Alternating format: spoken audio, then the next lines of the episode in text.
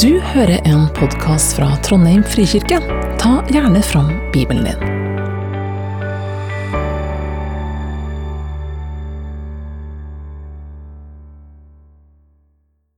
slik også vi tilgir våre skyldnere. Og Jesus han snakka mange ganger eh, om dette med å tilgi andre. Og Vi skal høre en tekst eh, før talen som eh, er en tekst der Jesus eh, forteller en lignelse om akkurat dette. Det står skrevet i Matteusevangeliet, kapittel 18. Da gikk Peter til ham og spurte, Herre, hvor mange ganger skal min bror kunne synde mot meg, og jeg likevel tilgi ham? Så mange som sju? Ikke sju ganger, svarte Jesus, men jeg sier deg 70 ganger sju. Derfor kan himmelriket sammenlignes med en konge som ville gjøre opp regnskapet med tjenerne sine. Da han tok fatt på oppgjøret, ble en ført fram som skyldte ham 10 000 talenter. Han hadde ikke noe å betale med, og Herren befalte at han skulle selges med kone og barn og alt han eide, og gjelden betales. Men tjeneren kastet seg ned for ham og bønnfalt ham. Vær tålmodig med meg, så skal jeg betale deg alt sammen. Da fikk Herren inderlig medfølelse med denne tjeneren, slapp ham fri og ettergav ham gjelden.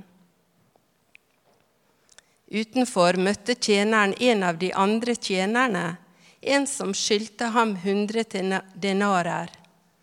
Han grep fatt i ham, tok strupetak på ham og sa:" Betal det du skylder.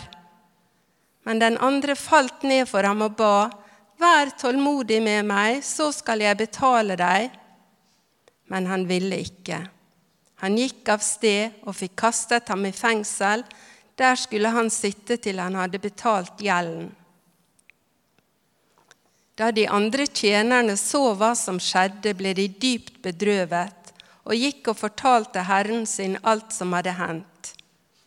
Da kalte Herren ham til seg igjen og sa til ham, Du onde tjener, hele gjelden etterga jeg deg fordi du ba meg om det. Burde ikke også du da vist barmhjertighet mot din, mot medtjener, slik jeg viste barmhjertighet mot deg?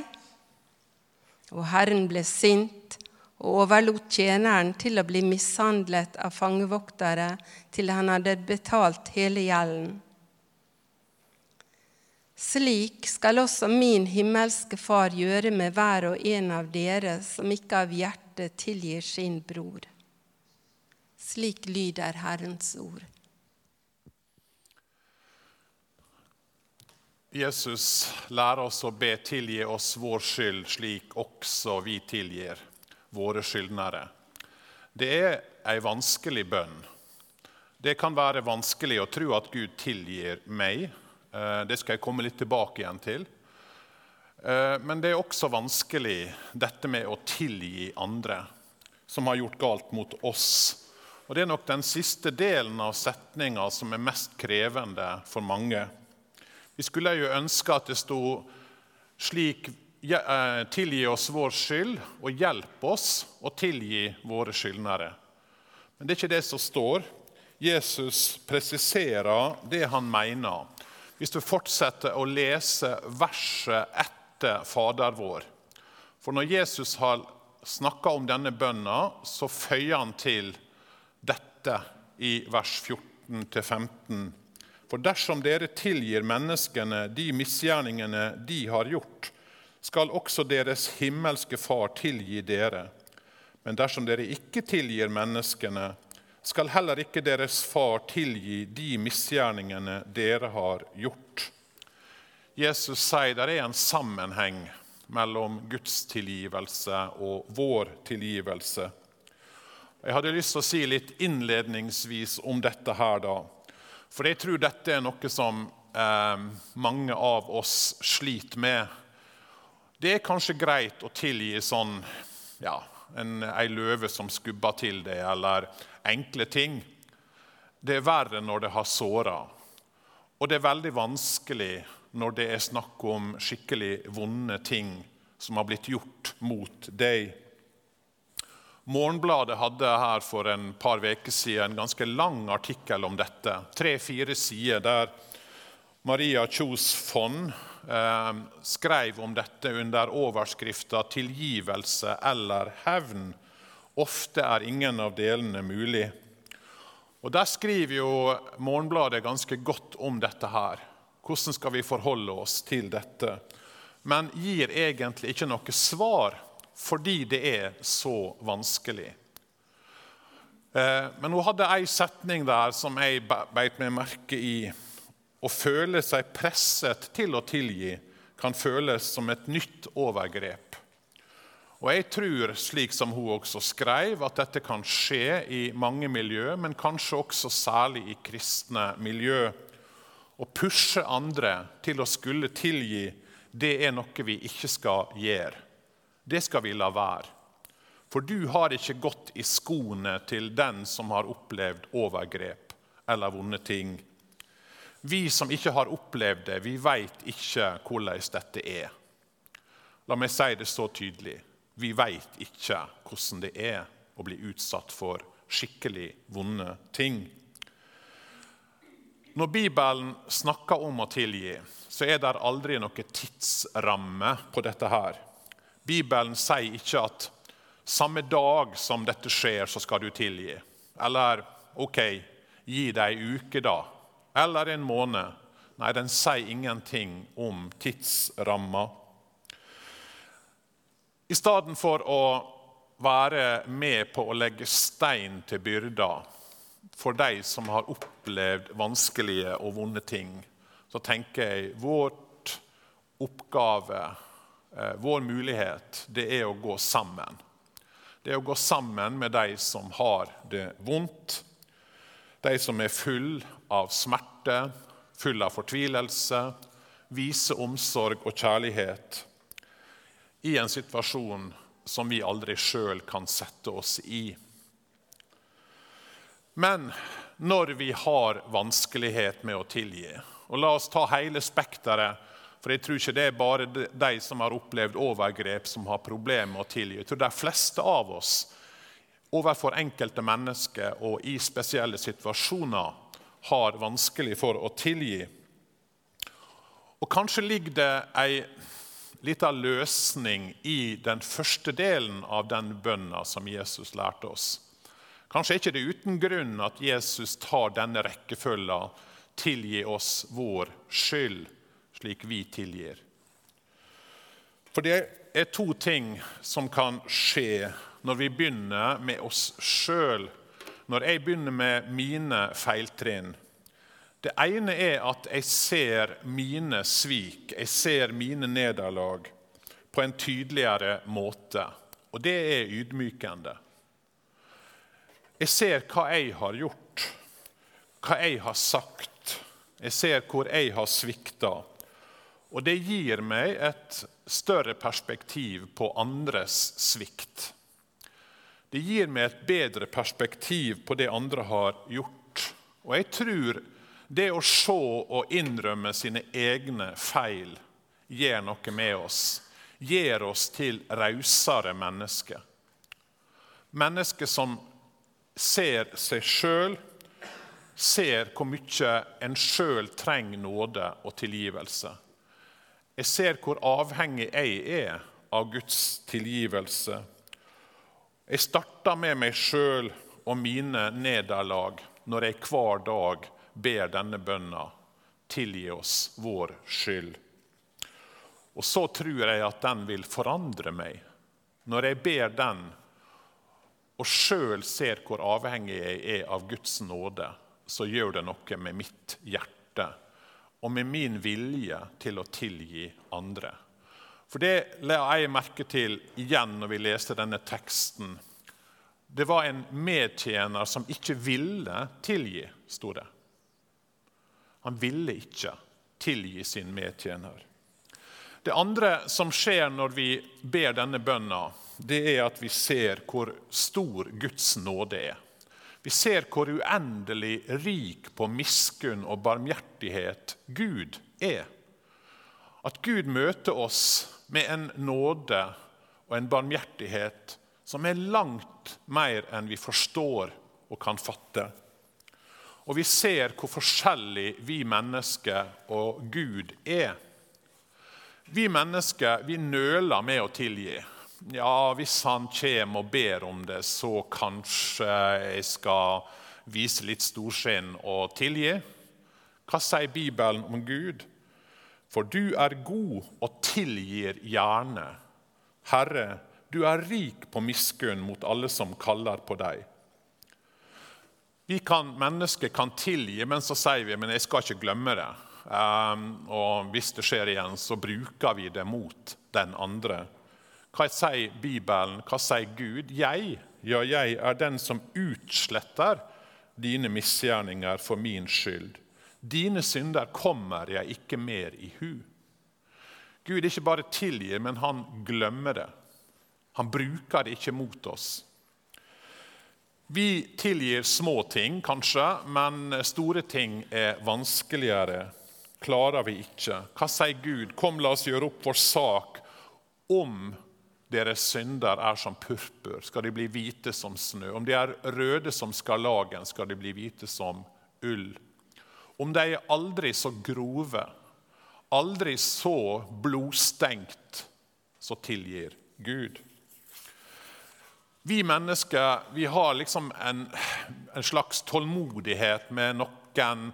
Vi sier OK, du gjorde dette, jeg tilgir deg, og så kommer personen igjen. OK, en gang til. OK, en gang til. Men nå begynner det å komme til ei grense. Hvordan er Gud? Herrens miskunn er ikke forbi, står det i klagesangene tre. Hans barmhjertighet tar ikke slutt. Den er ny hver morgen. Stor er din trofasthet. Og Du hørte teksten også Jesus snakke om. Ikke sju ganger, men 70 ganger sju. Sånn er Gud. Og så kan vi mennesker tilgi, men vi bærer på bitterhet likevel. Hva sier Gud i Jeremia 31? For jeg vil tilgi deres misgjerning og ikke komme i hu deres synd. Og Det er når vi ber denne bønna i Fader vår, at vi både ser vår egen svikt, og vi ser Guds uendelige tilgivelse.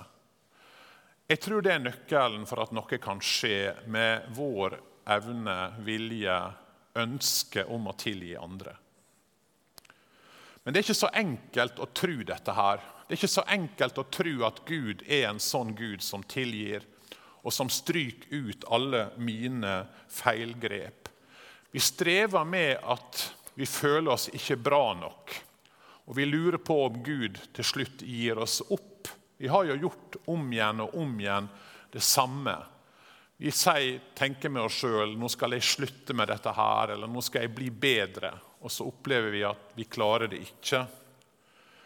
Hvor mange ganger tilgir Gud? Blir ikke han trøtt? blir ikke han lei.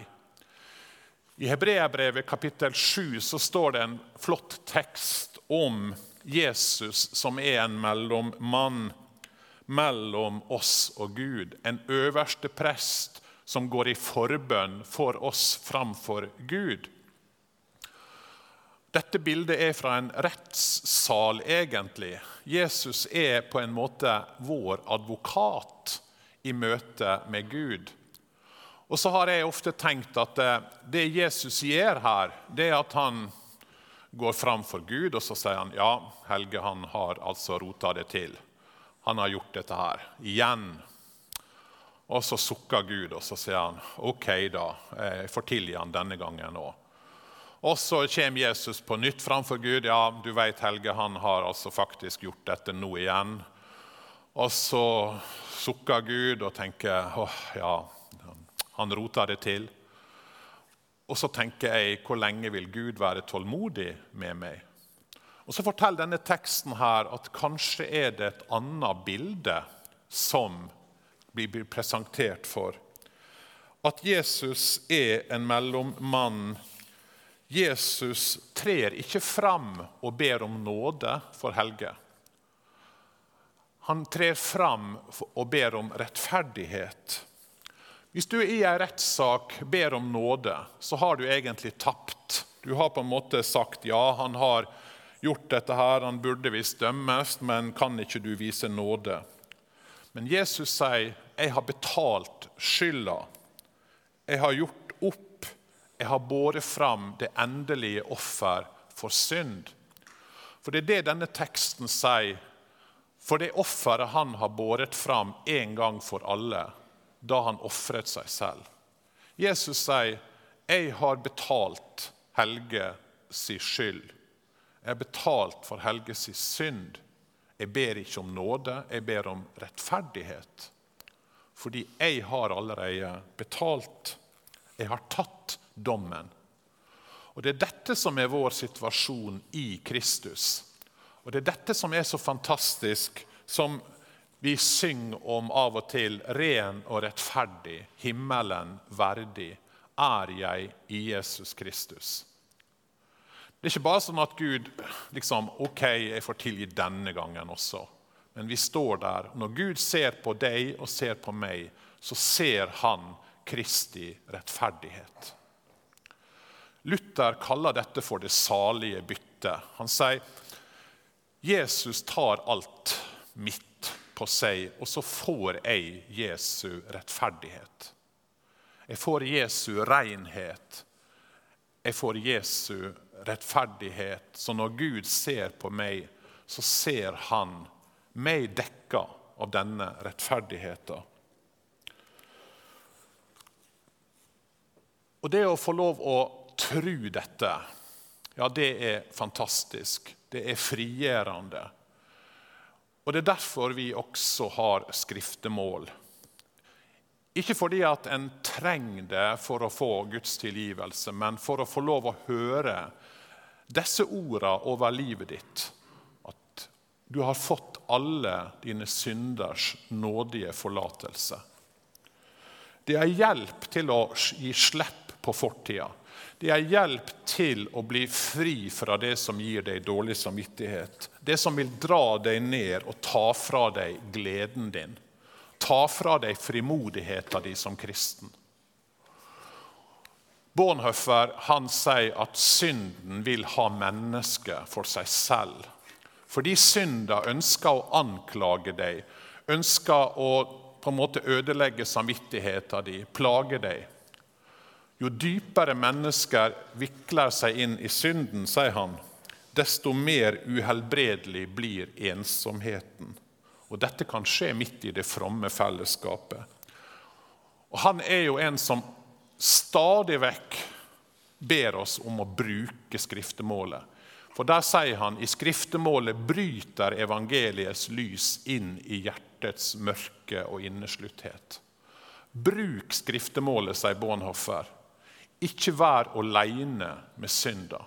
Det er det synda vil. Det er det djevelen vil. Han vil anklage oss. Han vil holde oss fast i det som tynger vår samvittighet. Hva er skriftemål, da?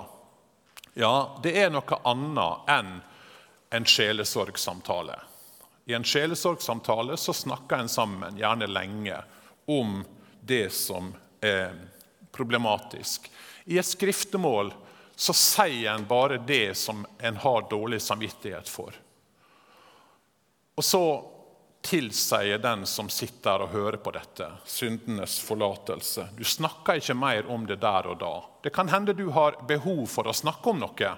Ta da kontakt etterpå eller seinere, eller send en mail til samtale at trondheim.frikirke.no. Det er heller ikke en forbønnshandling, som vi også har i gudstjenestene våre, der du kan komme og be om forbønn. Nei, det er helt konkret. Du setter deg ned, bare si det som du ønsker å bekjenne. Og så tenker du kanskje det er ikke så enkelt. Eh, hva vil den som sitter, tenke om meg? Ja, det tenkte jeg også første gangene jeg gikk til skriftemål. Etter hvert så har jeg jo skjønt at den som sitter der, han har jo akkurat de samme syndene. Akkurat de samme tinga vedkommende er dårlig samvittighet for. Det var en historie om en eh, som kom til en katolsk prest og så sier, ba om skriftemål. Og så sier han til denne presten 'Jeg har drept'. Og så svarer den katolske presten 'Hvor mange?' Sånn er det å gå til skriftemål. Ingen blir sjokkert fordi vi som sitter veit vårt eget hjerte, våre egne fall, våre egne nederlag. Og Så kan en få lov å gå løst fra skriftemålet. I det samme kapitlet i Matteus så sier Jesus sannelig, jeg sier dere, alt dere binder på jorden, skal være bundet i himmelen, og alt dere løser på jorden, skal være løst i himmelen. Gå til skriftemål, og du vil oppdage hvor frigjørende det er. Hva så med å tilgi de andre? da? Skal ikke jeg si noe om det? Skal ikke jeg si mer om det? Jo, jeg skal gjøre det. Jeg skal kort nevne tre ting med dette med å tilgi andre. Det første er at å tilgi betyr ikke nødvendigvis at forholdet blir bra igjen. Det kan skje, det kan være at det å tilgi retter opp igjen i forholdet. Men når tillit er brutt, så må det bygges opp igjen. Og Noen ganger kan det aldri skje, fordi tillitsbruddet er så stort. Så Når Jesus sier 'tilgi den andre som har synda mot deg', så sier han ikke at alt skal bli som før. Noen ganger vil det aldri skje. Noen ganger vil det ta veldig lang tid. Å tilgi betyr heller ikke at personen bare skal slippe unna konsekvensene av det han eller hun har gjort, eller at bare ting kan fortsette som før. Det er viktig å si dette, fordi det er ikke sånn at når en tilgir, så kan bare personen få lov å fortsette med sine vonde ting. Jeg har fått hjelp av eh, flere, men, men eh, det å forstå at i ordspråka i Bibelen så hører vi om tre forskjellige slags mennesker. Vi hører om de alminnelige synderne, vi hører om de som er dumme, og vi hører om de som er vonde. Hvordan skal vi forholde oss til folk som er vonde? I ei bok som heter 'Bold Love', så skriver to psykiatere om dette. her. Dan Allender og dr. Tramper Longman. En veldig spennende bok, for de bruker disse tre kategoriene fra ordspråkene når de snakker om kjærlighet. Hvordan, hva vil det si å vise kjærlighet overfor en person som er dum? Hva vil det si å vise kjærlighet overfor en person som er vond? Og Det som eh, det handler om, er jo at Bibelen og bergpreika der sier Jesus til oss at vi skal elske våre medmennesker, også våre fiender. Men det å elske en vond person, sier disse, det betyr å sette grenser og si nei. Stopp. Det kan være at de må ta konsekvensene av sine handlinger. Det kan bety politi, det kan bety fengsel, Kort sagt å elske en vond person betyr ikke å la denne personen få lov å fortsette med sine vonde ting. Legg merke til at det, å elske dem ikke betyr å overse dette vonde. Det kan heller være å sette sånne grenser og så harde mottiltak at personen begynner å innse og kanskje kan forandre seg. Noen klarer det sikkert aldri. Noen blir aldri i stand til det. Men det er det som må være målet. Og det er det som er målet, Hvis dere legger merke til når Paulus snakker om å støte mennesker, vonde mennesker ut av menigheten Ikke straffe den som utstøtes, men å påføre vedkommende en mindre smerte for å hindre han i å måtte oppleve ei større smerte hvis han bare fortsetter på sin vonde vei. Det er det som er tanken. Og da handler det om at noen ganger så må en stoppe folk fra det destruktive sporet som de er på. Så hva vil jeg med dette? Jo, minne oss på at tilgivelse er komplekst. Det er ikke slik at vi i kristne sammenhenger skal bare la folk få lov til å fortsette med sine vonde handlinger. Det var ei dame som ble intervjua, som jeg leste. Hun, hun jobba med dette med overgrep i kristne miljø. Og Hun sa det at misbrukere sier hun, er spesielt tiltrukket til kristne menigheter, fordi de der kan møte tilgivelse istedenfor politi. Og Det er nettopp en misforstått tanke, sier hun, om at i kristne sammenhenger så sier vi ja, men vi må jo tilgi. Og hvis vi tilgir, så må han jo få lov å starte på nytt. Nei, sier hun. Da forstår ikke vi at det faktisk ikke er kjærlig. Nei, sier de som har skrevet denne her boka, som heter 'Tøff kjærlighet'. Det handler ikke om at de skal fortsette som før. Så personen skal ikke slippe unna konsekvensene og Det siste punktet, å tilgi, er ei viljehandling. Du kan ikke tvinge deg sjøl til å føle tilgivelse mot den som har gjort noe vondt. Jesus sier ikke at dersom du strever med å tilgi, så vil ikke Gud tilgi deg. Han sier ikke det. Han sier heller ikke hvis det tar lang tid for deg å tilgi, så vil ikke Gud tilgi deg. Han sier heller ikke det. Han snakker om å ikke ville tilgi. Og Jeg tror det er et nøkkelord. Det er en nøkkelbønn. Jesus, jeg vil tilgi. Det er vanskelig. Jeg vet ikke hvordan jeg skal klare det. Jeg vet ikke hvordan jeg skal få det til, men jeg vil tilgi. Det er ei ærlig bønn som Gud hører. Når vi ber denne bønna, tilgi oss vår skyld, slik vi også tilgir våre skyldnere, så kan du godt henge på Ja, Gud, jeg ønsker å tilgi. Og så tror jeg at noe vil skje med oss når vi gjør det, med hjertet vårt. Det vonde som har skjedd mot deg, det blir ikke feid under teppet. Det blir ikke unnskyldt, det blir heller ikke bortforklart. Og følelsene dine blir ikke endra sånn over natta overfor den som har gjort det som er galt. Det kan godt hende at du til og med må sette grenser mot den personen resten av livet. Men du velger å gi avkall på hevn. Du overlater det til Gud. Og det handler om å komme til et sted der du tenker 'jeg vil vedkommende vel'. Sam Moffett, eller Samuel Moffett, han var eh, professor på Princeton. Han hadde vært misjonær i Kina.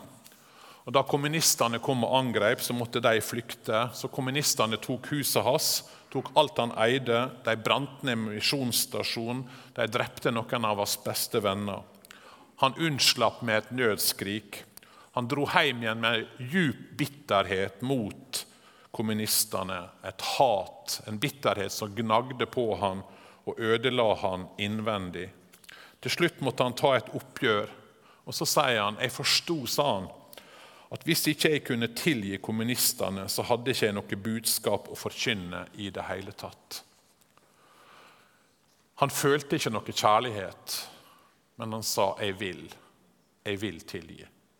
Og Det er der jeg tror det begynner, for deg og for meg. Jeg vil tilgi. C.S. Lewis han, uh, sier at å være en kristen er å tilgi det utilgivelige, fordi Gud har tilgitt det utilgivelige i ditt liv. Og Vi ser hvor sentral tilgivelse er i Jesu liv og forkynnelse. I hjertet av Guds rike, i hjertet av det å være en disippel.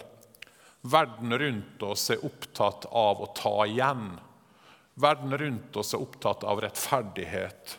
Og det er en nedadgående spiral når hevn blir drivkraft. Og Jesus, når han kommer på korset, så sier han spiralen stopper her. Spiralen stopper her. Han tok alle konsekvenser av verdens synd, og han gjorde det for oss. Og han tilgir, slik som han gjorde på korset, til de som drepte han. Tilgir dem. De veit ikke hva de gjør. Han gjorde det for deg, og han gjorde det for meg. Det er nåden. Det er det fantastiske evangeliet som vi får lov å ta imot også i dag. Jesus, takk for at eh, du tok all vår synd, all vår skyld. Dommen som skulle ramme oss, den rammer deg, så vi får gå fri, rene og rettferdige, himmelen verdig. Så ser du hvor vanskelig det er å tilgi andre. Eh, jeg ber om vilje til å gjøre det. Vilje til å be hver dag. Vilje til å be eh, om at du skal få lov å skape den forandringa i våre liv. Amen. For at du hørte på. Velkommen til gudstjeneste søndager klokka 11. Mer informasjon finner du på trondheim.frikirke.no.